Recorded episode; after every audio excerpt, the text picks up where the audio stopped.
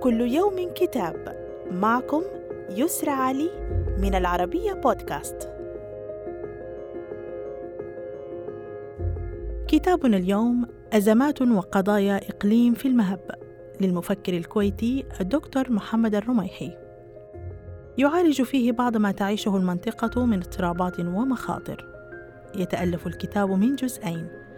جزء يبحث في علاقة المنطقة بجوارها الإمبراطوري. أي تركيا وإيران وما تروجان له كل حسب مذهبها من إسلام قابل للتصدير.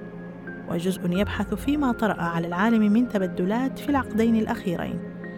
كما يحاول التفكير في مستقبل العلاقات دول الخليج بشركتها الأساس الولايات المتحدة المنسحبة على أطراف أصابعها من المنطقة الملتهبة.